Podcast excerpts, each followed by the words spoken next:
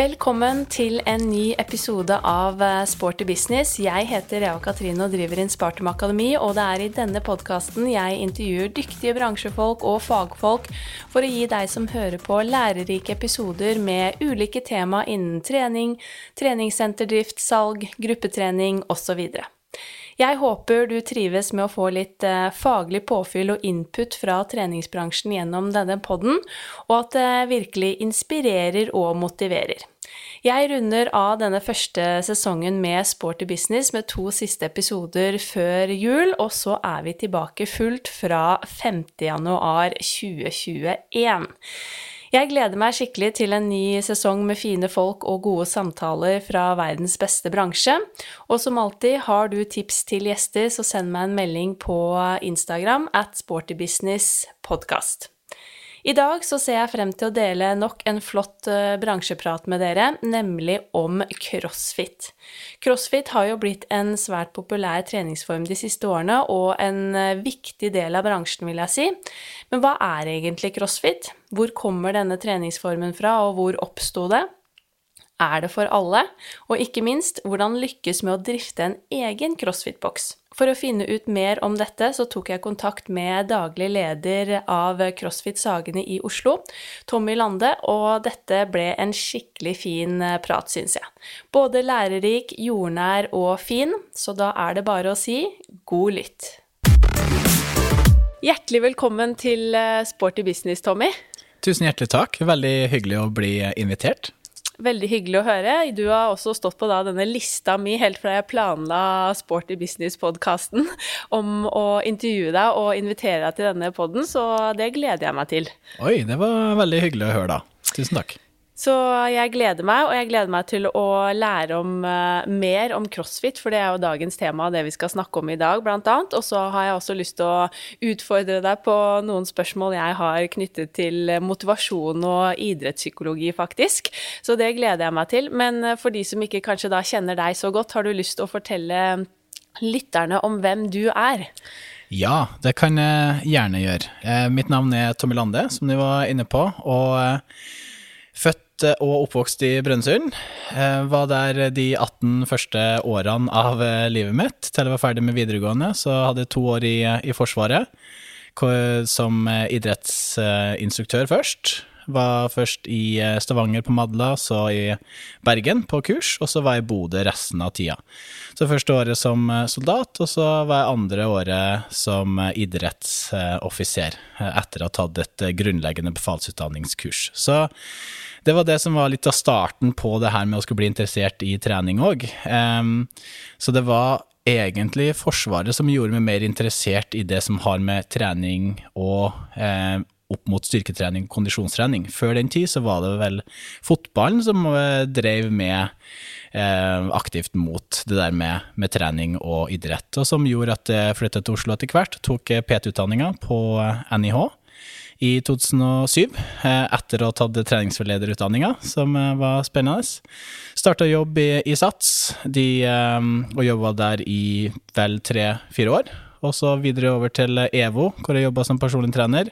Fant ut at jeg hadde lyst til å gjøre litt eh, nytt, og, eh, og ikke bare nytt, men eh, noe annet i tillegg. Så jeg tok massørutdanninga på Akselsons. Begynte å få litt mer den interessen for behandling og rehabilitering etter smerte, skade. Og hoppa videre på osteopatiutdanninga, som jeg tok her i, her i Oslo. Så det er vel egentlig med. Eh, den dag i dag så jobber jeg som dagleder. Um, så jeg er medeier, og så er crossfit-coach og personlig trener på CrossFit Sagene. Um, ved siden av det så jobber jeg litt som osteopat på Naprapatkontoret. Og så jobber jeg som foreleser og sensor på Akademiet for personlig trening. I tillegg til å ha ei hjemmeside som heter Preab-trening, og litt ulike ting ved siden av, med treningsreiser og sånt. Så det, det er litt å, eh, litt å gjøre, og det er jo akkurat sånn som jeg trives med. Nok å gjøre, med andre ord. Ja. ja. Jeg kjenner meg igjen i det, og det er veldig, veldig gøy. Jeg husker jo faktisk at jeg møtte deg første gang på et kurs på Ryen, tror jeg, i, når jeg jobbet i Elixia for mange herrens år siden. ja, det er mange år siden, det stemmer. og det var et veldig bra kurs. Og jeg husker jeg har liksom fulgt med deg, eh, og vi har jo møttes eh, gjennom bransjen i mange år, så det har vært veldig spennende å følge deg på reisen. Du har jo fått til utrolig mye, og nå da det siste med CrossFit Sagene, som mm. dere har startet, og som jeg vil si har blitt en suksess, og som vi skal snakke mer om i dag. Men det er jo ganske, sånn sett ganske nylig, dette med crossfit. Og jeg vet jo at du har ikke holdt på med det i så mange år. Når ble du først introdusert for crossfit, og hvordan liksom havnet du i den verden? Eh, første gangen jeg ble introdusert for det, var vel kanskje da vi hadde et julebord gjennom EVO Fitness. Da var vi på CrossFit Oslo, så var vi gjennom ei, ei, type økt. Og i den tida der så var jeg litt mer sånn ok, det var det strikt uh, styrke, og det var Du skal ha kontroll på absolutt alt du, du gjorde. Og jeg var litt sånn, og det, jeg var litt sånn småskeptisk i starten til det. Uh, fordi at jeg kunne altfor lite om det, mest sannsynlig. Men etter hvert så begynte jeg å få litt øynene opp for det. begynte å gjøre litt sånn som veldig mange andre. Lasta ned en app. Den heter, jeg tror det heter sånn Vodster eller noe sånt. Der du kunne rulle en terning, og så fikk du dagens økt. Så workout of the day. Uh, og det var jo masse sånn amraps og e-moms og sånne ting. Og det de fleste tenker at uh, de gjør, de trener crossfit så lenge det er noe som kalles amrap eller e-mom. Uh, men det som var problemet, var jo at det gjorde jo bare airscot og pushups og burpees og kettlebellsving og sånne type ting som ikke nødvendigvis er så teknisk krevende. Og det er jo litt det som òg er um, Eh, det er innenfor crossfit at det er ikke bare de her øvelsene her med egen kroppsvekt og styrkerelaterte øvelser, men du har jo litt eh, turnaktige øvelser, eh, sånn som det å skal gå på, gå på hendene, eh, muscle-ups, eh, pull, kipping pullups, så type sånne bevegelser, i tillegg til å ha vektløfting. Og så har du ofte det her som en kombinasjon i, i ei økt. Og det var kanskje det som gjorde at det ble skikkelig revet med av, eh, av idretten eh, og av treningsformen, fordi at det var så allsidig og det var så gøy.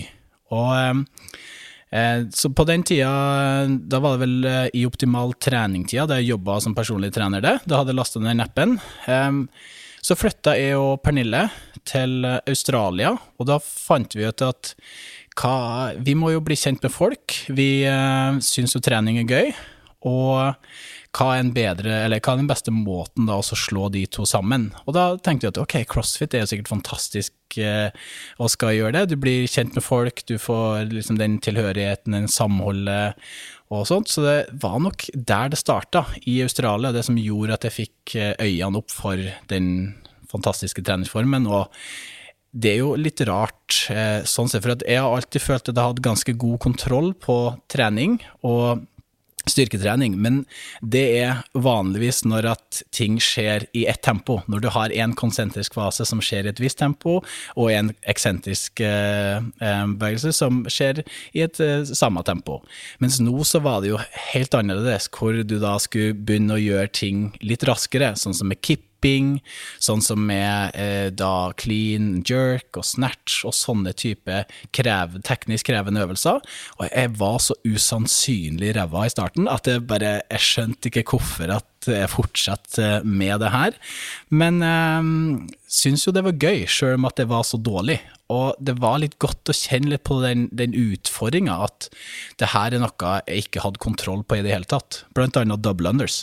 Jeg har jo aldri hoppa noe tau i hele mitt liv, så før at jeg skulle starte og skulle lære med double unders, så måtte jeg jo lære med single unders. Jeg kunne ikke hoppe eh, med ja, få tauet én gang rundt. Så da måtte jeg lære meg å hoppe vanlig singlunders først. Og det, det tok meg kanskje fem-seks måneder for meg å lære meg det double unders-greien. Bare fordi at det var veldig uvant for kroppen min. Jeg har alltid vært vant til fotball, um, så veldig mye øye, fot koordinasjon. Også når du skulle både ha øyne, hender, bein og sånt. Og det kan kanskje Pia skrive godt under på, da jeg var med på en av hennes dansetimer her på Myrens. Um, hvor det ikke så sånn fantastisk uh, grasiøst ut det jeg gjorde på helt bakerst i høyre hjørne der. Så um, ja, det er litt, litt sånne ting, da. Men det, hvis at jeg klarer det, så tenker jeg at de fleste klarer det. Fordi at eh, jeg har brukt såpass lang tid på å gjort det, og det virker som at kroppen min bruker litt tid på å skal ta til seg ting, eh, og så må jeg få gjort det i litt mitt eget tempo. Så må jeg få gjort det på min egen måte. Så alle har jo hver sin måte å lære på. Eh, noen lærer veldig masse av at en person gir det én eller to cues, mens en annen person lærer masse eh, av det jeg skal få gjennom visuelt, der du ser en annen person på en video, gjør det, og så prøver du å etterligne det. Og det er nok det som har funka best for meg, at jeg må liksom trekke meg litt tilbake, ikke ha noen som gir meg litt sånn cues, for da blir jeg mer forvirra. Men da kanskje få en eller to cues, og så jobbe litt med det på egen hånd. Og det var litt det her med crossfiten, så det tok jo fort, ja, et år eller to før at eh, jeg lærte meg de fleste øvelsene sånn skikkelig, der jeg følte at jeg hadde god kontroll på det jeg skulle gå på hendene, det jeg skulle ta ring muscle up, bar muscle up, eh, clean jerk, snatch osv. Så, så eh, ja, det tok tid. Ja. Så det er jo litt det jeg preacher til, til, de aller fleste, at hvis at jeg klarer å komme gjennom alt det her, så skal de aller fleste klare det. Men jeg, jeg, hadde en liten sånn guts. Nå hadde vi jo masse tid i Australia, så jeg fikk ja. jo en del tid til å, å, å, lære meg det ved siden av eh, skole og, og jobb. Um, hadde jeg vært i Oslo, så hadde jeg nok ikke hatt like mye tid til det. Men Nei. Eh, det var det som var det heldige der, da. Og når dere kom hjem fra Australia, så gikk det jo ganske raskt i hvert fall sånn jeg husker det, eh, at uh, oppi mitt hode, at uh, det gikk fra dere kom hjem til dere faktisk startet CrossFit Sagene. Ja. Hva var det som gjorde at dere tenkte at dere har lyst til å starte egen CrossFit-boks, og liksom gjorde at dere virkelig våget å ta steget? Nei, her så må vi egentlig bare rette en takk til, eh, til Isabel Bråten, som jobber på Myrens eh, eh, ernæring, og Sandra, som hadde trua på at det her kom til å gå. Det var Isabel som først Hun kjente vi jo litt fra før av. Um, så hun tok kontakt med oss da vi var i Australia. Jeg huska ikke helt om det var januar-februar. Vi flytta tilbake igjen i juni fra Australia. og Det var jo derfor vi egentlig flytta hjem òg, litt på grunn av at vi hadde lyst til å starte opp CrossFit-sagene. Um, så Isabel tok, uh, hadde snakka med Sandra om at det var et ledig lokale i området, og uh, sa til oss at ja, her så har dere uh, muligheten da til å starte om noe. Og ja, jeg kjente egentlig ikke Sandra så godt um, i forkant, har hørt masse bra om henne fra tidligere, men aldri snakka noe særlig med henne. Så Isabel satte oss i kontakt, og vi holdt vel kontakten fra februar, og um, la litt planer og så litt hvordan det her kom til å, å gå. Vi kom tilbake i juni, vi brukte en del av sommeren til å se på lokalet. Vi eh, fikk vite at Nico Widerberg skulle flytte ut, og han skulle gi fra seg lokalet i, eh, i november. Det, så vi fikk lokalet i november.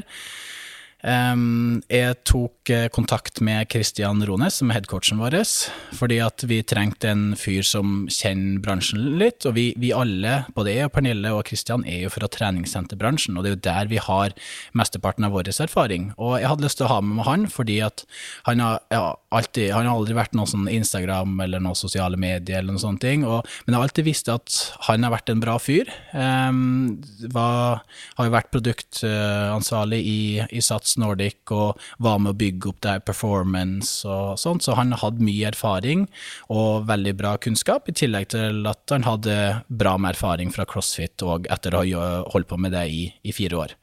Så da tok jeg kontakt med han, og fikk han med på laget, heldigvis, og det har jeg vært kjempe, kjempeglad for i, i ettertid. For Kristian er en fantastisk eh, bra fyr som har gjort masse bra for, eh, for CrossFit-sagene, og ikke minst Pernille òg. Og så er det jo um, Ja, så kom jo midten av november. Vi fikk overtatt lokalet, og um, ja, og så tok det vel en måneds tid, så var det klart. Og så åpna vi 7. januar eh, 2018. Og Nei, sorry, 2019 var det. Så ja, det var egentlig en fantastisk greie helt fra februar, da vi fikk vite om at, eh, at det var et ledig lokale. Og det, var, det, beste var jo at det var bare tre minutter å gå hjemmefra òg. Det var jo der vi, vi bodde, så vi har en veldig kort eh, vei fra, fra hjemmet til, eh, til, jobb. Og nei, det var helt fantastisk. Det. Veldig, veldig gøy. Men hvordan ser hverdagen din ut på CrossFit Sagene i dag, da? Og hva vil du si er det aller beste med jobben i ja, både i boksen, men også generelt i treningsbransjen. Åh, det er så Det er et stort, eh, stort spørsmål, men jeg liker vel egentlig alt. Det er en grunn til at jeg kan være på jobben fra seks, halv sju, sju til sju, åtte, eh, halv ni på, på, kvelden nesten hver, eh, hver, ukedag. Og jeg trives eh, så utrolig godt. Du får dekka det meste av eh, behov. Du Eh, får jobba, du får utfordra det eh, på ulike måter. Så jeg har jo admin-rollen på Krøsdagen, så jeg jobber litt eh, foran PC, i tillegg til at jeg har PT-timer. Så der har jeg litt utfordringer. Både jeg har ca. 50-50 mellom vanlige kunder og crossfit-kunder. Vanlige kunder er litt mer sånn ok, de skal generelt bedre form, ikke nødvendigvis skal lære seg noe. Så har jeg de resterende 50 av kundene mine har kanskje et mål om kjøp 10 eller 20 timer på skal lære seg å gå på hendene, eller skal lære seg noen muscle-ups, eller lære seg å bli litt bedre på clean jerk eller på snatch, og bruke tida litt på det. Da har du litt mer et prestasjonsmål, så da får jeg dekt veldig mye i den PT-rollen. Eh, og så jobber jeg litt hands on med behandling, for jeg syns det er veldig gøy, og det vil jeg holde ved like. Har kanskje ja, tre-fire timer i, i, uka. Jeg skulle nok gjerne hatt litt mer der, men eh, jeg syns at det, det, passer egentlig greit med det, det andre. Um, og så har jeg jo eh, så coacher jeg teamer nede på gulvet, sånn at det både får vært på admin-sida, men òg får vært nede på gulvet og møtt medlemmene. Så um, jeg syns hverdagene mine er fantastiske. Jeg har litt timer på morgenen, um, trener, eh, spiser litt lunsj, hjem, hjem, ja, hjem og spiser lunsj, tre minutter å gå, dusjer, kommer tilbake igjen, gjør kanskje litt admin, har litt timer på ettermiddagen, og så, ja, Sånn, sånn, går dagene. Og du får dekka mye av det sosiale òg, med å møte så mye trivelige folk. Og det er jo det som er på CrossFit-Sagene. Det er så mange hyggelige medlemmer som du, som du etter hvert har blitt veldig godt kjent med. Så det trives jeg bra med. Høres ut som en veldig variert og fin uh, hverdag, i hvert fall. Ja, definitivt, det vil jeg si. Og jeg har jo egentlig alltid vært glad i å ha variasjon. Jeg tror nok aldri jeg kunne hatt bare én ting å, å gjort, enten bare behandling eller bare PT, men den variasjonen gjør at jeg trives kjempegodt, og at jeg hver morgen egentlig gleder meg til å gå på, på jobben. Mm, helt enig. Vi har jo allerede vært litt inne på dette med altså, crossfit og alle disse rare ordene, blant annet. Ja. Det er jo et eget språk i crossfiten på lik linje som eh, innen yogaverden, f.eks. Uh, og jeg tenker at eh, det er jo sikkert mange som også hører på denne poden som kanskje ikke har prøvd ut crossfit ennå, eller tenker hva i all verden er det egentlig? Eller man har kanskje fått et bilde av det fra sosiale medier. Men kan ikke du fortelle litt om hva crossfit egentlig er? Hvor er det det kommer fra? Fra, eller når oppsto det? Jo, det, det, kan jeg ta og gjøre. Crossfit er jo en treningsform og et registrert varemerke eh, som ble starta av en amerikaner som heter Greg Glassman. Det her var da i, i 2000. Nå skal det jo sies at han her personen har vært eh, Selv om han har gjort veldig mye bra for, eh, for crossfit, så har det òg vært masse, masse rart, spesielt nå i senere tid. Eh, så han er jo ute og har solgt eh, CrossFit-varemerket til en annen en, i tillegg til at han er helt ute på, den, på admin-sida òg, som har vært veldig, veldig bra. Um, treninga er kjent for å være ganske tøff, hvor du har litt sånn kort korte, intensive eh, økter som kombinerer elementer da eh, ja, kan være fra styrkeløft, styrketrening, eh, kan være fra turn, det kan være fra eksplosiv trening, det kan være fra litt sånn fartstrening, olympisk vektløfting. Kettlebells, for eksempel, kroppsvekstøvelser og utholdenhetstrening. Så en typisk økt for litt sånn eh, innenfor crossfit. Det er veldig vanskelig å si, men øktene varieres fra, fra, dag til dag, og man setter vanligvis sammen mange ulike eh, former for bevegelse og krav til, eh, ja, krav til øvelser. Så eh, det er da konstant varierte økter som er litt sånn i gåsetegn funksjonelle øvelser. Eh, man prøver jo å få øvelsene til å ligne så mye på de hverdagslige gjøremålene som mulig, for at crossfit eh, helt fra starten har jo egentlig hatt et hel helseparameter, sjøl om at crossfit er en, en, idrett og det sport og fitness, som det kalles, så det konkurreres jo i. Men det er jo ikke det som var tanken bak crossfit helt i starten, det har jo bare utarta seg over tid, eh, fordi at man så at det var et stort eh, manko, for man hadde idretter innenfor sånn fotball, håndball, volleyball, innebandy, turn osv., men man hadde ingen idretter innenfor eh, styrketrening. Så da eh, kom eh, crossfit og det, det sport og fitness i, i 2000.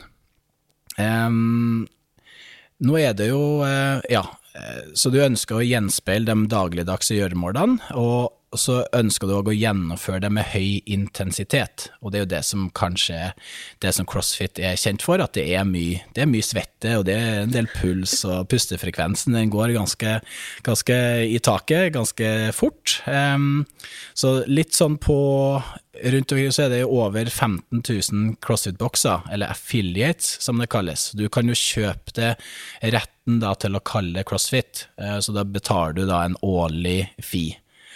Eh, inn til CrossFit HQ. Eh, så det er over 15 000 CrossFit-bokser på verdensbasis, så det begynner jo å gro ganske mye. Det har vært ganske bra med, med bokser som har kommet siden 2000. Så er det jo sånn at man, man dagens økt, eller en WOD, workout of the day, det er jo det man, man gjør. Og det her varieres jo fra eh, dag til dag, og så er det jo veldig forskjellig fra boks til boks eh, hva man gjør av programmering. Sånn som vi har på Krøssisagene, så er det inndelt at du, du har en time. Eh, hvor det, eh, hvor det starta med oppvarming. Vi har en spesifikk oppvarming først, der vi bruker ca. fem til ti minutter. Og det kan være alt fra øvelser sånn som squat to stand, what's great to stretch, og egentlig bare få i gang det området som du skal trene senere i, i økta. Så da har vi kontroll på det, at alle er gode og varme til det man skal gjøre. Og um, deretter så har vi eh, på CrossFit-sagene Nå er det jo, varieres det jo selvfølgelig fra dag til dag, men sånn grunnfundamentet er jo at man starter med et teknisk element, hvor man da har kanskje eh, clean jerk den ene dagen, eh, en annen dag så kan det være snatch, en eh, tredje dag så kan det være noe ting opp ned, så eksempel handstand pushups, eller det å skal lære seg å gå på hendene. Eh, og så den fjerde dagen så kan det være noe pullups eller noe muscleups eller noe dips av lignende. Så det er jo det tekniske elementet, hvor det ikke nødvendigvis er sånn at du skal gjøre det på eh, kortest mulig tid eller mest mulig reps eller noe sånt, men at det er mer det at du skal utøve en skill, at du skal bli bedre på en ferdighet. Deretter så har man et styrkeelement, hvor det kan være knebøy, eller frontbøy, eller markløft, eller benkpress, eller noe sånt. Så det er mer eh, styrke man er ute etter. Og så har man til slutt en Metcon-del. Så Metcon står for Metabolic Conditioning, som er litt mer den kondisjonsformen innenfor CrossFit, hvor du kanskje setter sammen alt fra kettlebell swing til burpees til eh, air squats til pushups og litt det der som du ønska for å få pulsen opp. Her kan det òg være ting med stang, det kan være ting i riggen, så det er veldig variert da fra, fra dag til dag. Men da crossfit kalles jo egentlig kondisjonstrening. Eh, det er bare det at eh, ja, kroppen vår er jo, eller hjertet vårt er jo litt sånn dum muskel, den vet jo så lenge den, den begynner å slå, og, og at du får opp pulsen, så vil du jo bli da i i bedre form, sånn i, i gåstegn, med, med kondisjonen. Så sånn sett så gjennomfører du egentlig kondisjonstrening med eh, styrkeelementer, eh, kroppsvekstementer, og så kan det være plutselig en romaskin som er med, og en sykkel, og så kan det være stakemaskin, og så kan det kanskje være svømming en gang. Så det er veldig variert. Og da føler vi at vi får dekka det meste av ulike energisystemene, så at vi har en skill-del først, der man føler at man blir utfordra, blir bedre på noe. Så har vi et styrkeelement som gjør at man blir sterkere, og da kan man òg bli bedre på de tekniske øvelsene, så det påvirker masse. Og så får man eh, pusta og pesa litt eh, på, på slutten. Og veldig mange liker jo den der eh, svettedelen ved trening, at de føler ikke de har gjennomført en treningsøkt før de har svetta litt, og er litt der. Eh, det er jo ikke sånn at du må være kjempesvett og kjempesliten for å ha gjennomført en god treningsøkt, det vet man jo, men folk er forskjellige. Noen er veldig glad i å kjenne på det, at man er litt sånn fysisk eh, utmatta, og da har gjennomført en god økt. Ja. Jeg har jo også testa crossfit, og har jo også hatt eh, PT-timer med deg i det siste, som har vært veldig gøy. Og jeg vil jo si at det er eh, en veldig helhetlig treningsform, for jo, du får jo virkelig utfordret alle fysiske aspekter. Og jeg syns jo det er eh, veldig gøy med tanke på at det er så variert, og også denne ja, litt mer sånn gymnastiske delen og ja, mye tek tekniske øvelser som du virkelig får brynt deg på, da. Det syns jo jeg mm. også er veldig, veldig gøy. Mm. Men det var jo som du nevnte, at crossfit det er jo kjennetegnet som en tøff, intensiv treningsform. Mm. Eh, mange får jeg inntrykk av, i hvert fall de som ikke har testet crossfit, syns jo det kanskje ser litt skummelt ut, det høres skummelt ut. Det er det inntrykket de har fått. Eh, og det har jo blitt kjempepopulært, i tillegg til å kjennetegnes det jo av at eh, utøverne eller de som trener crossfit, får et veldig sånn sterkt fellesskap, og at crossfit-boksene er veldig gode på å skape ja, fellesskap, og at man føler seg inkludert. Men i tillegg så har man jo også hørt mye i media, i hvert fall, om skaderisiko ved crossfit, og man har hørt om rabdomyolyse, og det har vært litt sånn skrekkhistorier, har jeg lest, fra folk som har begynt på crossfit. Mm. Eh, men hva tenker du om det? Er det egentlig så farlig som kanskje media noen ganger skal ha det til?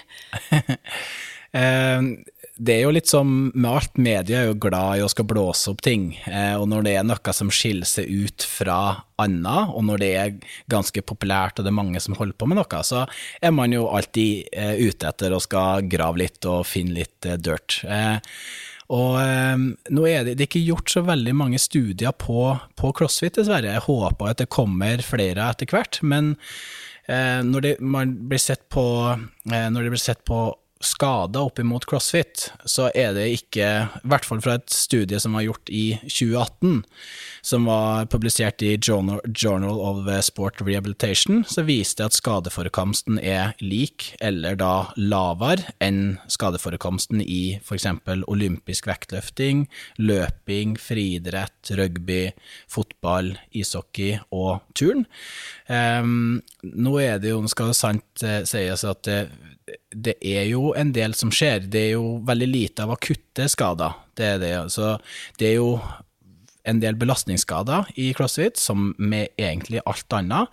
Og det er vanligvis skuldre, eh, korsrygg og kne som, som, er de vanligste. Det er jo de vanligste på generelt populasjonsnivå òg, så det er jo ikke så rart at de fortsatt er, er vanligst innenfor crossfit.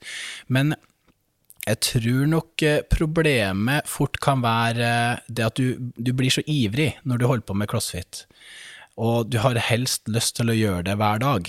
Og da har du på en måte mista litt av de treningsprinsippene og det som gjelder for alt annet. Det er ikke sånn at crossfit er utafor den boksen med treningsprinsipper. Du skal fortsatt ta i bruk de, de prinsippene der. Og det er jo prinsippet om til, tilpasning, adaptasjon og liksom det, det tar litt tid for kroppen å tilvenne seg og spesielt en ny type eh, idrett eller ny type treningsform, hvor det er stor belastning på bl.a. skuldre og korsrygg og sånt. og det, det, det kommer helt an på hvor ofte, eh, hvor mye, hvor fort, eh, og hvor flink du er med ulike andre faktorer, sånn som søvn, restitusjon, kosthold osv. Og, så og det det er ikke noe fritak for crossfit sånn i forhold til andre treningsformer. Det tar tid å skal komme seg inn i en ny treningsform, og det å skal ha en fin sånn synergi mellom toleranse og det eh, at det ikke, at det ikke blir Nei,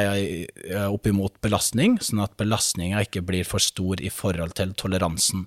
Og det er jo sånn som man ser, om det er styrketrening på sats, eller om det er styrketrening på Myrens eller EVO, eller om det er crossfit, så spiller det ikke så stor rolle så lenge du er flink til å um, ikke belaste kroppen for mye i forhold til din toleranse så, så vil du som regel komme gjennom det. Og jeg tror nok problemet fort med CrossFit kan være at man blir litt ivrig, og at man, det er så gøy. Man, man, tenker at ja, jeg sto bare på hendene i går, så da kan jeg sikkert kjøre noe clean jerk i dag. Og så eh, gjorde jeg clean jerk i går, så da kan jeg kanskje eh, kjøre noe tunge knebøy i dag. Men det er jo det som er, du trener så å si hele kroppen på hver økt innenfor crossfit. Og det er jo det som, eh, uten at du blir sånn fullstendig i kjelleren og kjempesliten og kjempestøl, men det er jo fort en stor belastning, sånn som det å skal gå på hendene er jo fort en stor belastning på skulderen. Tar du jerk, så er det jo òg en belastning på skulderen, så man må bare finne en smart programmering, og vi har veldig mye fokus på det på CrossFit Sagene, at du skal ha en rolig, fin tilnærming. At um, vi har bruka noe som heter TCI, det, er laga innenfor CrossFit, hvor det står for teknikk, eh, consistency og intensity. Sånn at teknikken skal komme på plass først. Du skal ha god kontroll på øvelsen eh, med den kiloen som du, som du bruker. Eh, når at du klarer å holde den teknikken konstant, og at den ser lik ut hele veien, så kan du begynne å påvirke intensiteten. Vil si enten høyere tempo eller da mer belastning. Så vi bruker TCI masse hos oss, og snakker med våre medlemmer om det eh, hele veien. Så det har blitt en viktig sånn parameter for, eh, for oss å, bruke, bruke, den. For det, vi er veldig opptatt av at folk skal holde kontinuitet i treninga, men at det ikke blir for mye, sånn at man blir ivrig.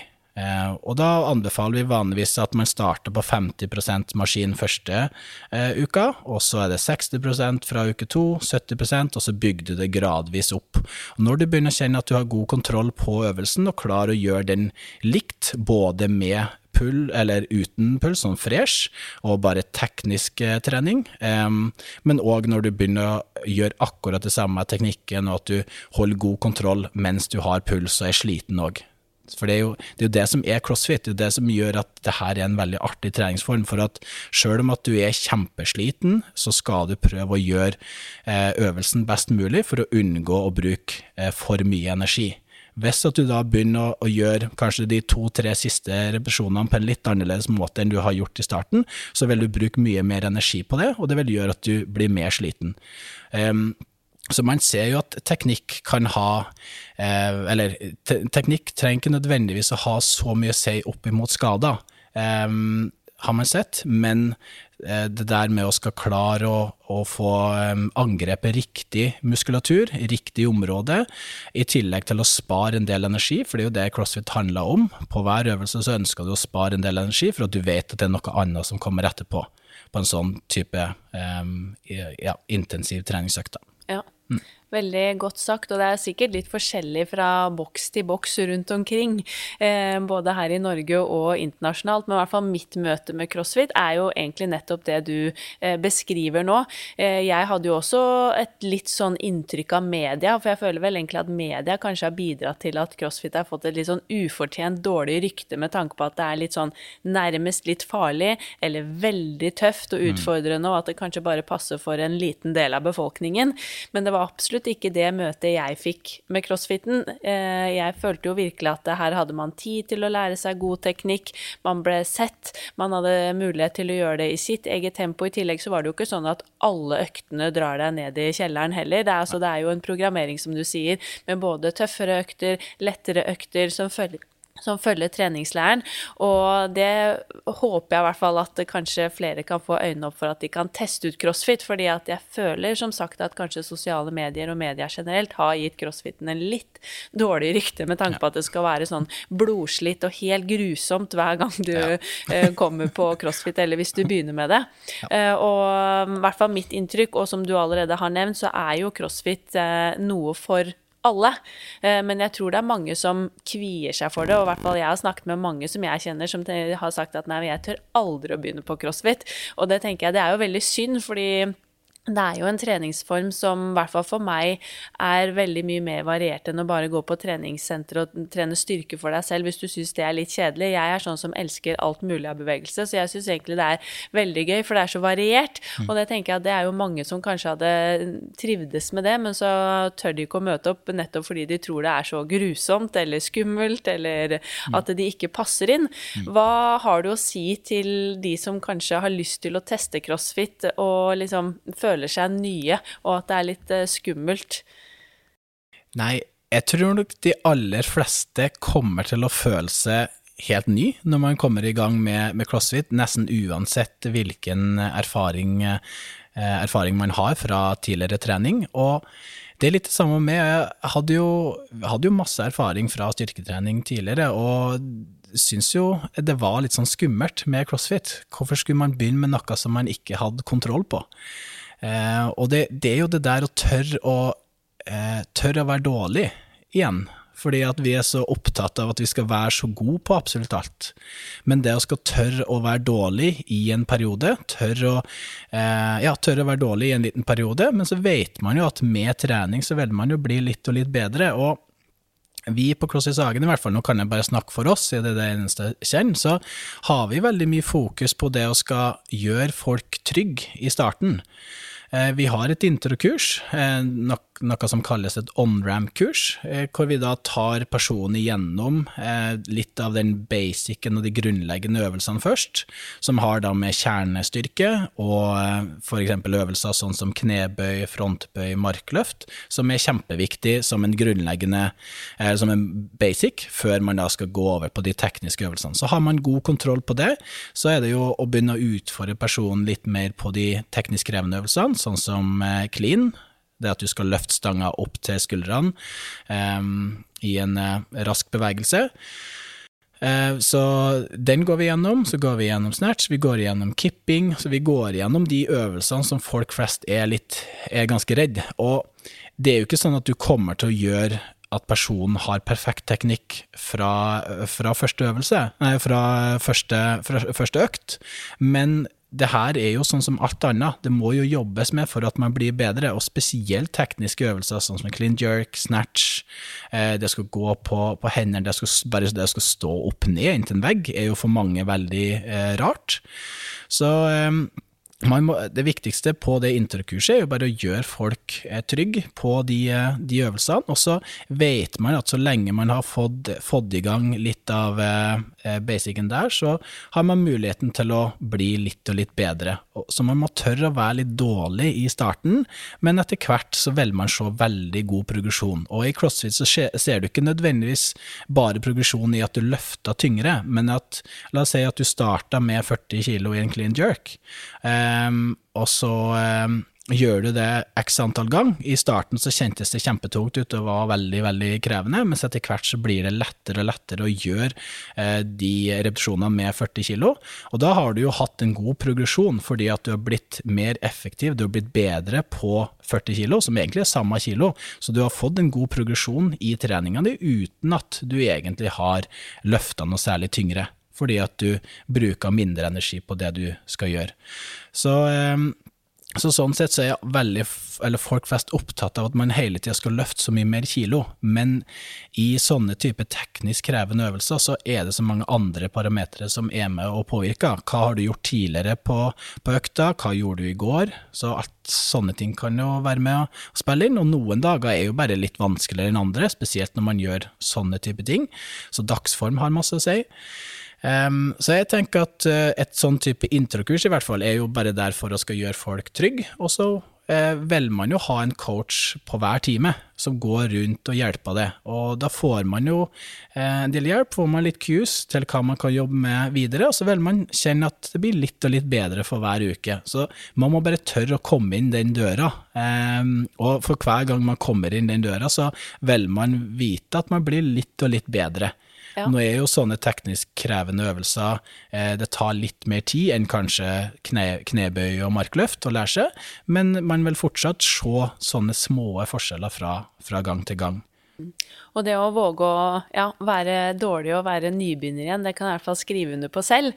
Og for de som ja, jobber i bransjen, eller jobber i treningsbransjen også, og som underviser mye kanskje, eller som har mye ja, PT-kunder, eller som gruppeinstruktør, sånn som meg selv, så har man jo også veldig godt av å teste noe nytt. Det kjenner i hvert fall jeg på, at når du er så vant til å undervise alle andre, så har man veldig godt av å stille seg i den posisjonen hvor man selv er nybegynner og skal ta imot kurs og undervisning og kjenne på den følelsen av å være ny eh, og lære noe nytt. Og det er jo også veldig givende. Så hvis det er eh, folk som er i bransjen som eh, ikke har testet crossfit òg, så er også det en stor oppfordring fra meg, i hvert fall.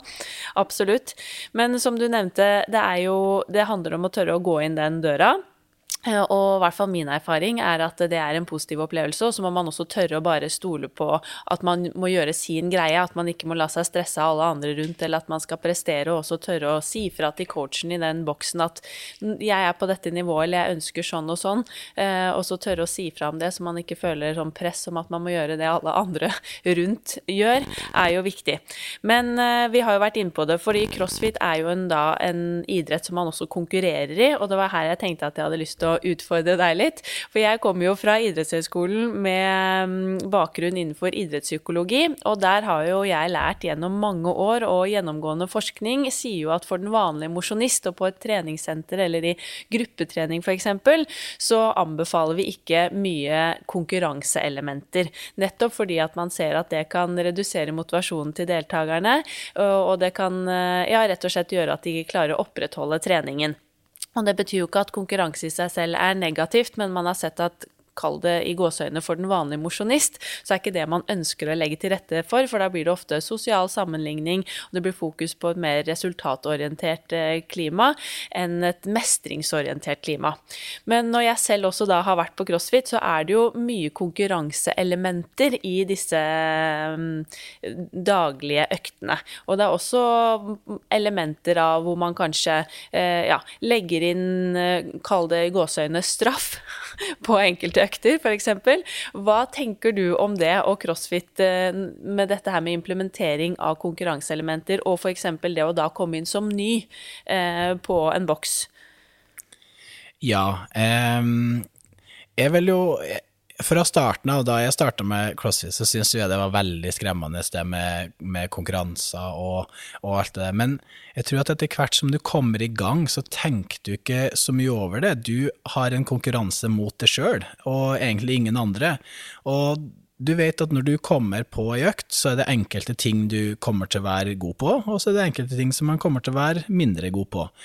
Og um, det er jo det som veldig mange kjenner seg igjen i på, på CrossFit, at på noen økter så kommer du kanskje til å være en av de som er først ferdig. Eh, og da står du og heier på, på de andre som, som, snart er ferdig med økta, mens på andre økter så er det kanskje noen andre som står og heier på det, og da er du eh, kanskje en av de siste som, som er ferdig. Men jeg tror at det, det handler om å eh, Jeg tror et lite sånn konkurranseelement kan være sunt av og til, for å vekke litt den der følelsen og den uh, Ja, og den der Vanskelig å, uh, å si, også, men uh, det er litt sånn at konkurranseelementet i crossfit, alle trenger jo ikke å holde på med det. Du, sånn som jeg snakka om i starten, så er det jo litt mer du har kanskje 1% rundt om i verden, som, og det er jo ofte de man ser på sosiale medier, det er de som driver på med crossfit, og de som konkurrerer i det. Og vi har jo eh, personer fra alt fra 18 til den eldste er vel 65 år, tror jeg, så det er veldig stort sprang. Um, og alle er jo ikke der bare for å skal konkurrere og nødvendigvis bli bedre, men de har sett at det her er en morsom treningsform som eh, skaper litt denne community-biten og litt den tilhørigheten, sånn at på et eller annet tidspunkt så eh, står du og blir heia på, men på et eller annet tidspunkt så står, står du og, og, da heier på noen andre. Så det er litt vanskelig å svare på det konkurranseelementet, så jeg tror det kan være um, være smart for oss å kjenne litt på det av og til, men så har jo vi sagt til alle medlemmene våre at ikke kjenn og ikke føl på det presset. Du er her for din egen del. Du er her for at du skal bli bitte litt bedre enn det du var i går. Og det er ikke nødvendigvis sånn at uh, hvis du ser en annen person som er ferdig ett eller to minutter foran deg, du vet jo ikke noe om den eh, historien til den personen. Det kan være at den personen har trent crossfit fire, fem, seks år lenger enn det du har, som vil si at du har mye mer erfaring. Og erfaring i crossfit har jo masse, masse å si, har man sett.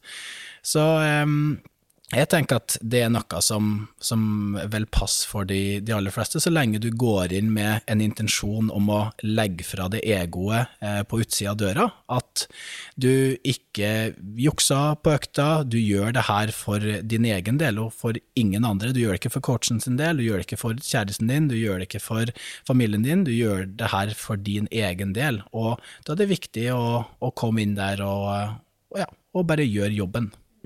Ja, det er akkurat det med det mindsettet der er jo utrolig viktig, og der tenker jeg også ja, de på boksen kan være gode med en liksom forventningsavklaring, og så snakke litt om dette med konkurranse, for det er jo nettopp det, det vet man jo fra idrettsforskningen òg, man har jo ofte det man kaller enten kanskje en mer egoorientering eller oppgaveorientering eh, som individ, så noen er jo veldig gode på å kunne fokusere på egen utvikling og sette personlige målsetninger og egentlig skru av det som foregår rundt, mens noen preges jo mer av at man ønsker å prestere, at man er opptatt av prestisje og resultater, og baserer egen kompetanse på sosial sammenligning eller hvordan andre presterer rundt en.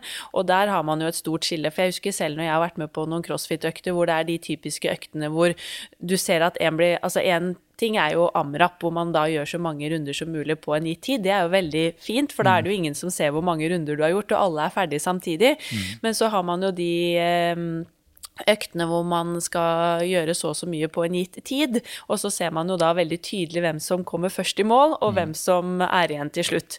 Og i hvert fall min erfaring eh, med de type øktene, så var jo jeg min egen lille verden.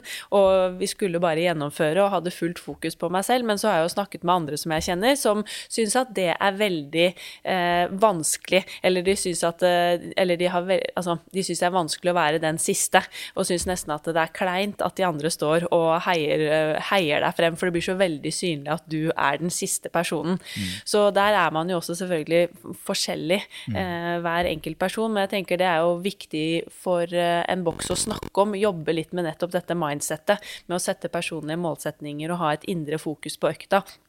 Uavhengig av hvordan disse konkurranseelementene er implementert. Mm. Veldig, veldig enig. Eh, det var som jeg skulle ha sagt det sjøl, men ja, det var Så hyggelig å høre. ja. Nei, det var helt fantastisk. Jeg tror du svarte bedre på det spørsmålet enn det jeg gjorde, så det var takk for det. Ja, det er bra. Men uh, over til dette med å da drifte en crossfit-boks. For jeg tenker vi det er hyggelig å gi bransjen vår litt gode tips og råd, som er målet med denne podkasten. Uh, og du har jo nå driftet da en, en crossfit-boks en god stund, og jeg vil jo si at det har vært en suksess det vet jeg jo. Dere har jo også måttet eh, stoppe inntaket av nye medlemmer, så det er jo, vil jeg si, et eh, tegn på at det går bra. Men har du noen gode erfaringer eller råd og tips som du kan gi? Eh, de andre boksene i Norge, for det begynner jo faktisk å bli en god del crossfit-bokser også her i vårt land. Og mange sitter kanskje også på tanken om å starte sin egen boks. Hva vil du si til dem? Hva er det viktigste for å lykkes å opprettholde en god daglig drift? Ja. Jeg kan jo gå gjennom litt de erfaringene som jeg sitter igjen med fra, fra CrossFit Sagene. Og nå skal ikke jeg si at det er det beste, eller at vi har fasiten, eller noe sånt, men jeg kan i hvert fall bare gå gjennom mine erfaringer med hva det vi har eh, sett har, eh, har fungert. Og det vi hadde fokus på i starten, var det å ikke skulle starte for stort. Det er veldig mange som uh, kasta seg over et veldig stort eh, lokale, bare bestille inn masse, masse utstyr, og så har man massevis av, eh, av, utgifter i starten som gjør at det tar lang tid før, um, før at økonomien er opp, og at drifta blir lønnsom. Så det er vel kanskje det første tipset, det at man ikke starter for eh, stort. Start heller med et litt mindre lokale, og så ser man heller på muligheten til å utvide eh, lokalet etter hvert, eh, som det går bedre da økonomisk, når man begynner å få ting på plass, kanskje et, etter et år eller to. Um, vi er veldig fornøyd med hvordan vi har gjort det på Krøssesagene, med det å skal ha få ansatte, og heller eh, satse alt på, på, de, i stedet for at man har noen som kommer inn på ei og anna økt her og der. Så vi har bestemt oss for å heller ha litt færre eh, ansatte og færre eh, CrossFit-coacher hos oss, og vi føler at det fungerer, fungerer, veldig bra. Da har vi muligheten til å satse litt mer på, på de vi har, de vi har eh, henta inn. Um, ellers så eh, er det jo lønn. Vi, vi har jo fra starten av hatt fokus på at eh, det skal være god lønn. Det, det skal være sånn at du selvfølgelig, i treningsbransjen så kommer man aldri til å bli drive, drevet av penger, eh, fordi at det er ikke der du kommer til å tjene penger i det hele tatt. Men vi er, for at personen skal gjøre en ordentlig jobb og ha gode timer, eh, det å skal forberede seg til timer, det å skal ja, gjøre den eh, jobben som kreves, eh, og nesten gi litt mer service enn det man, man krever òg. Så det virker det som de fleste er litt drevet av det at når de ser at de får ei god lønn, så er de òg med på å skal, skal, gjøre jobben. Så der har vi hatt litt fokus, og vi har prøvd å presse lønna litt opp fra det som vi vet er veldig normalt når det kommer til gruppetimer, og det spesielt innenfor CrossFit. Så vi har dytta opp lønna ganske mye sånn. og Eh, jeg, for min del syns det er veldig viktig å, å lønne folk eh, godt igjennom jobben de, de gjør. Um, I tillegg til, til det så uh, har, er det sånn at man må finne ut hvem det er man ønsker å tiltrekke seg. Eh, bruker man kanskje influencers, kanskje bruker man sånn sosiale mediefolk til å da skal eh, få sponsa medlemskap og litt sånn, så, så vet man jo kanskje at man tiltrekker seg ganske li like folk eh, til en boks. Så vi har i stedet for det med sponsa medlemskap og sånn, så har vi alltid sagt at alle medlemmene på Krøsdagene betaler akkurat likt, det skal ikke være noe sponsa medlemskap. Og vi har heller hatt masse fokus på produktet vårt. Og vi ser at um, når vi har et fokus på å levere et godt, eh, sikkert og et faglig eh, produkt, hvor produktet er det som tiltrekker seg folk, så vil man møte eh, masse ulike mennesker, fordi at de medlemmene som vi allerede har, anbefaler eh, boksen da til videre. Og det, det er jo der vi har satsa på vår, kanskje i gåsteng markedsføring, og det går igjennom de som allerede er medlemmer. Vi har aldri lagt ut noe markedsføring, vi har aldri hatt eh, CrossFit Sagene på tilbud vi har aldri hatt noe interkurs på tilbud, vi har aldri hatt noe som helst på tilbud, fordi at vi vet eh, hvilket Vi har trua på at det produktet vi leverer, er blant de bedre i, eh, i bransjen, og derfor eh, ønsker vi at folk skal tiltrekke seg av det vi leverer på gulvet, ikke nødvendigvis hvordan det ser ut utenifra. Så det å ha fokus på ja, tenke litt på hvordan man markedsfører seg. Det kan være lurt å ha litt i, i bakhodet. Um, og så er det jo litt sånn ha klare regler og kjenne verdiene fra Kjenn Kjenne ja, kropp, eh, boksens verdier fra starten, og så hold, hold, med dem her. Hva ønsker man å fokusere på? Det er å få inn den type mennesker som man ønsker til boksen. Um, nå er det jo kjempebra i Oslo, fordi at man har ganske ulike bokser. Du har sånn som CrossFit Oslo, som er litt større, de har nærmere 1000 medlemmer. De har kanskje litt mer sånn konkurransepreg over det de har eh, hos seg, sjøl om at det er jo massevis av folk som ikke nødvendigvis eh, konkurrerer der òg. Men um, de blir kanskje sett litt mer på det. Uh, så har du jo CrossFit Gamlebyen, som er litt sånn lignende, og så har du jo um, Monolitten, og så har du Ehm, Sandvika, som ikke er så langt unna, og så CrossFit Kristiania. Altså alle er kanskje litt ulike i den preachen som man kjører. Og vi har lyst til å på CrossFit-dagene, vi har lyst til å gjøre CrossFit litt mer folkelig, sånn at det blir for alle. At det ikke bare er unge folk som drar der og går på hendene, men at du har uh, en person som går på hendene frem og tilbake, så har du en annen person som uh, aldri har stått opp ned inntil en vegg før. Men det man vet, er at eh, begge de her to personene, den ene personen som går på hendene, og den andre personen som prøver å skal lære seg å bestå på hendene inntil, eh, inntil, veggen og bli trygg opp ned, de vil ha like god treningseffekt på grunn, på grunn av at de jobber ut ifra sitt nivå. Og Det er det som vi har fokus på. Det er det jeg syns er så gøy med CrossFit, fordi at eh, du kan ha akkurat samme økta, men det er så lett å skalere øvelsene. Så eh, Yes, um, så det er viktig å tenke litt på hvordan man markedsfører seg, og hvilke typer mennesker man, eh, man ønsker å, å, ha inn. Og eh, så er det litt av det her eh, med å få folk til å føle seg velkommen.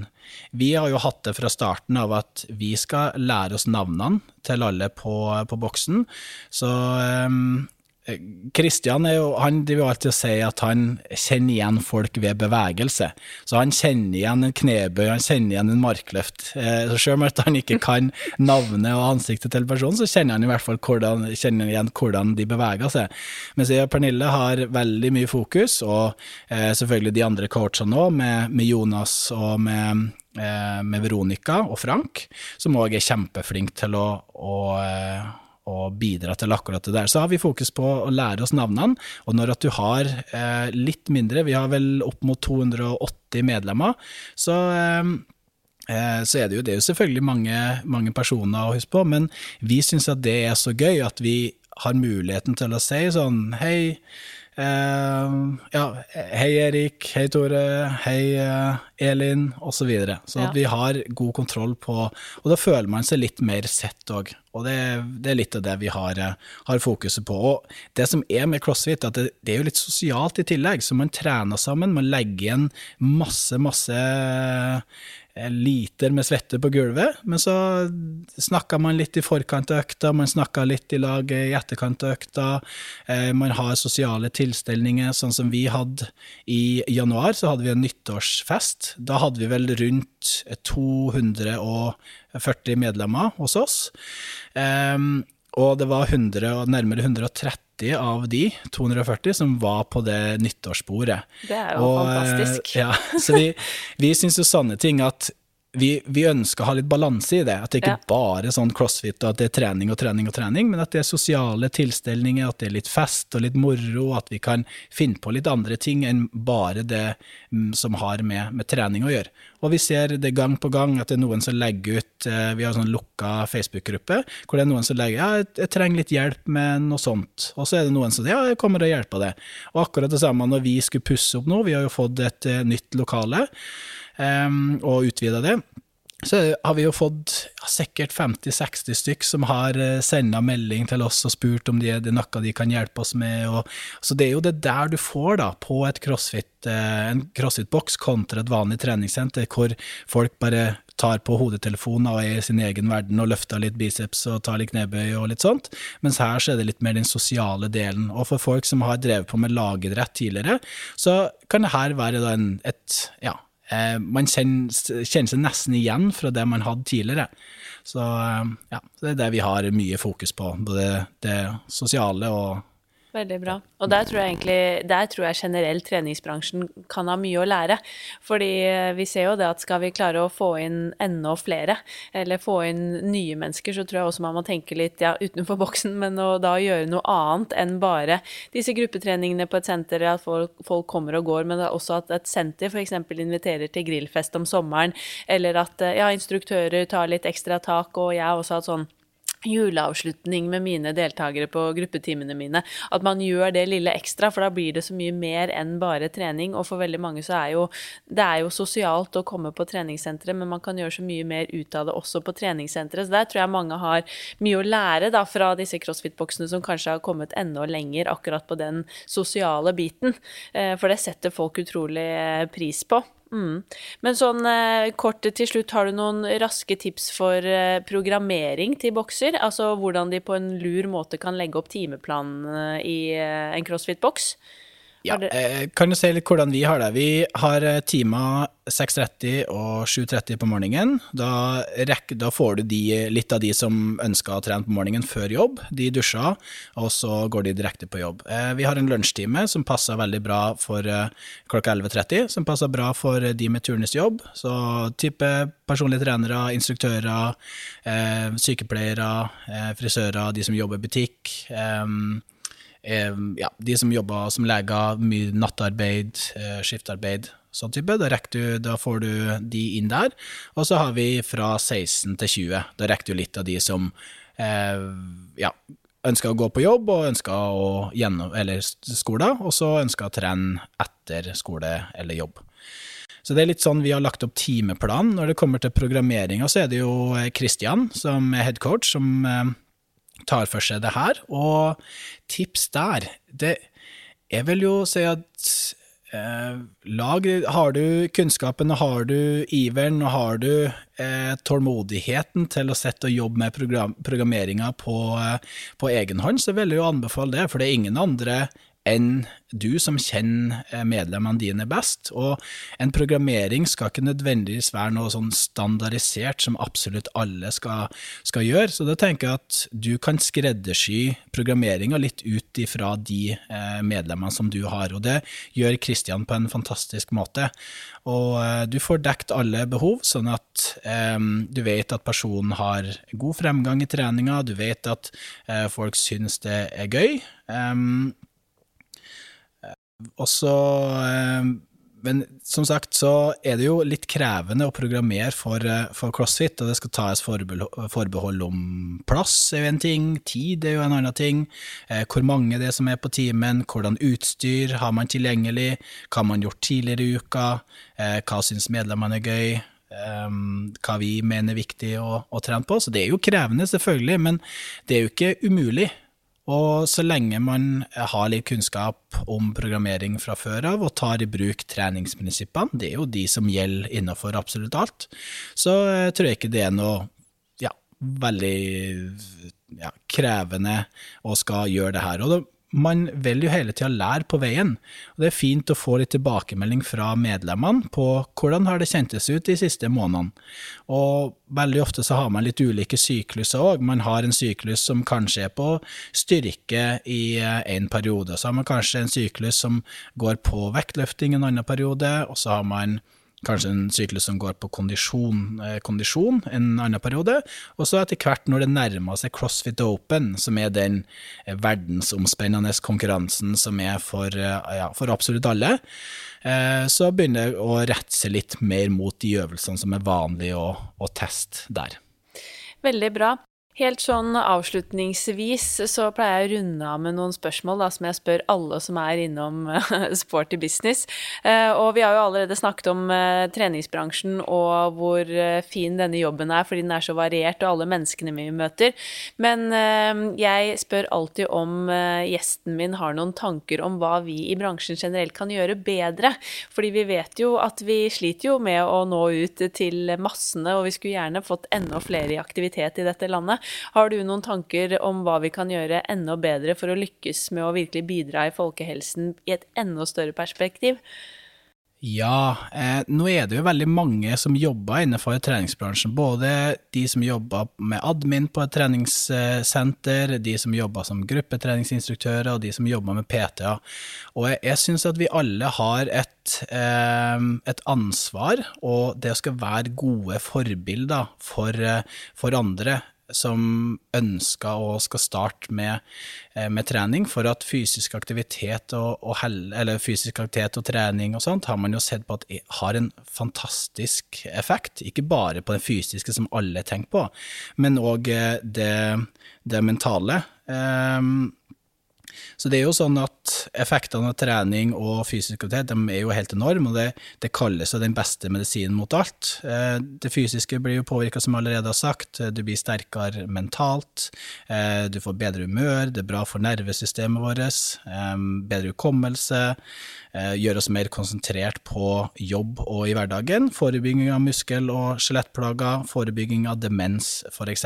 Så jeg føler at vi eh, starta litt i feil ende. Vi um, Jeg tror vi må tenke litt mer over på hva det er vi selger oss ut til, eh, og hva, eh, hva det er vi ønsker å samarbeide med. Um, vi må tenke litt på hva det er som blir lagt ut på sosiale medier. Uh, og det er folkehelse vi i treningsbransjen skal bygge opp under. Og det er ikke nødvendigvis prestasjon, fordi at det her handler om å få Jeg vet ikke, jeg så vel en siste oversikt, jeg husker ikke hvor mange prosent som trener på et treningssenter, men det er ikke veldig mange ut ifra uh, de som er uh, rundt om i Norges, Norges land. Og det er jo de vi ønsker å nå ut til. Og når man hører sånn jeg hører at unge jenter drømmer om å skal bli sånn BCAA-ambassadører, og unge gutter ikke gidder å begynne å trene for at de ikke har råd, eller får lov av foreldrene sine til å kjøpe proteinpulver, så er det noe vi har gjort veldig, veldig feil på, på veien. Og det er akkurat eh, der jeg føler at mye av eh, skoen trykker, for at vi starta helt i feil ende.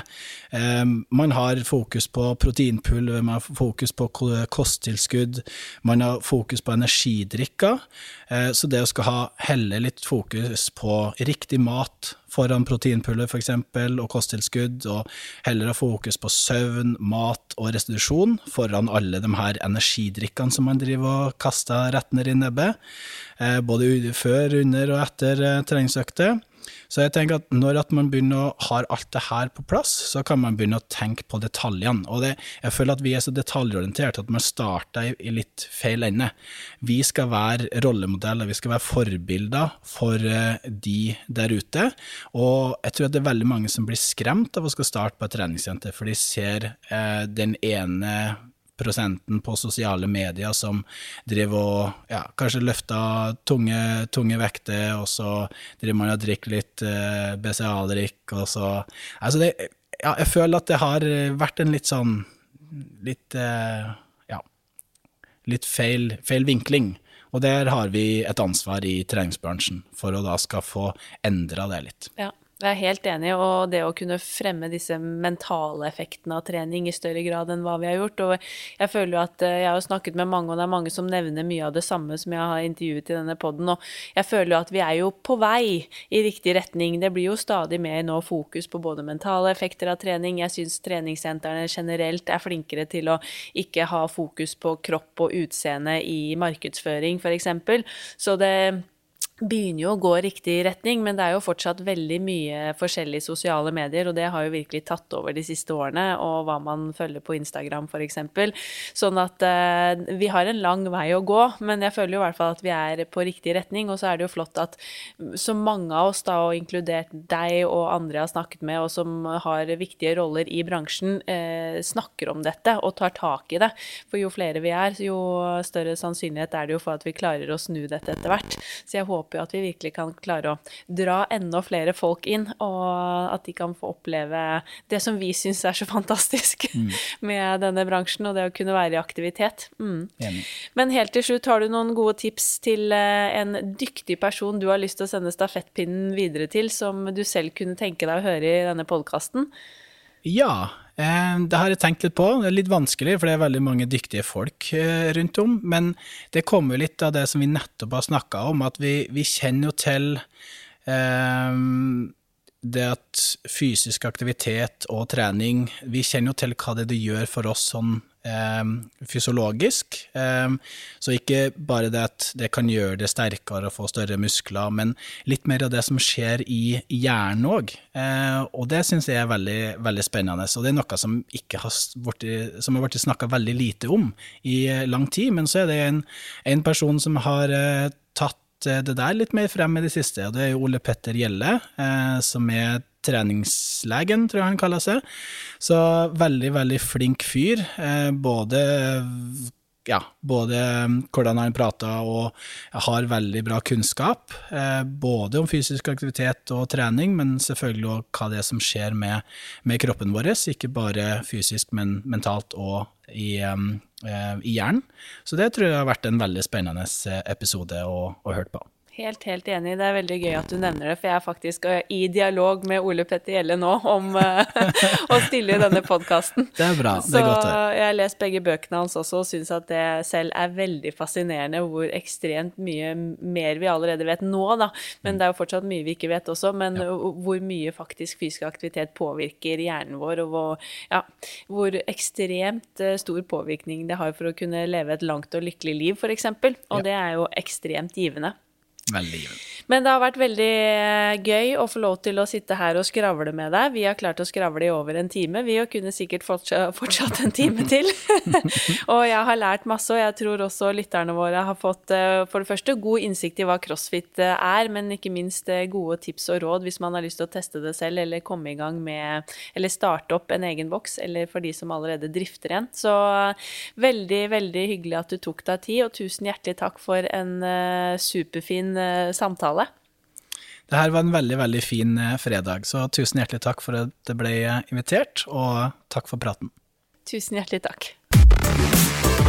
Tusen takk for at du lyttet til eh, Sporty business. Håper episoden ga mersmak til å kanskje teste ut crossfit, eller eh, også ga deg noen nye ideer til hva du kan gjøre på din crossfit-boks hvis du driver en. Vi poddes igjen om eh, to uker. Ønsker deg en superfin og sporty uke. Ha det bra. Denne podkasten produseres av Inspartum Akademi og North Stories.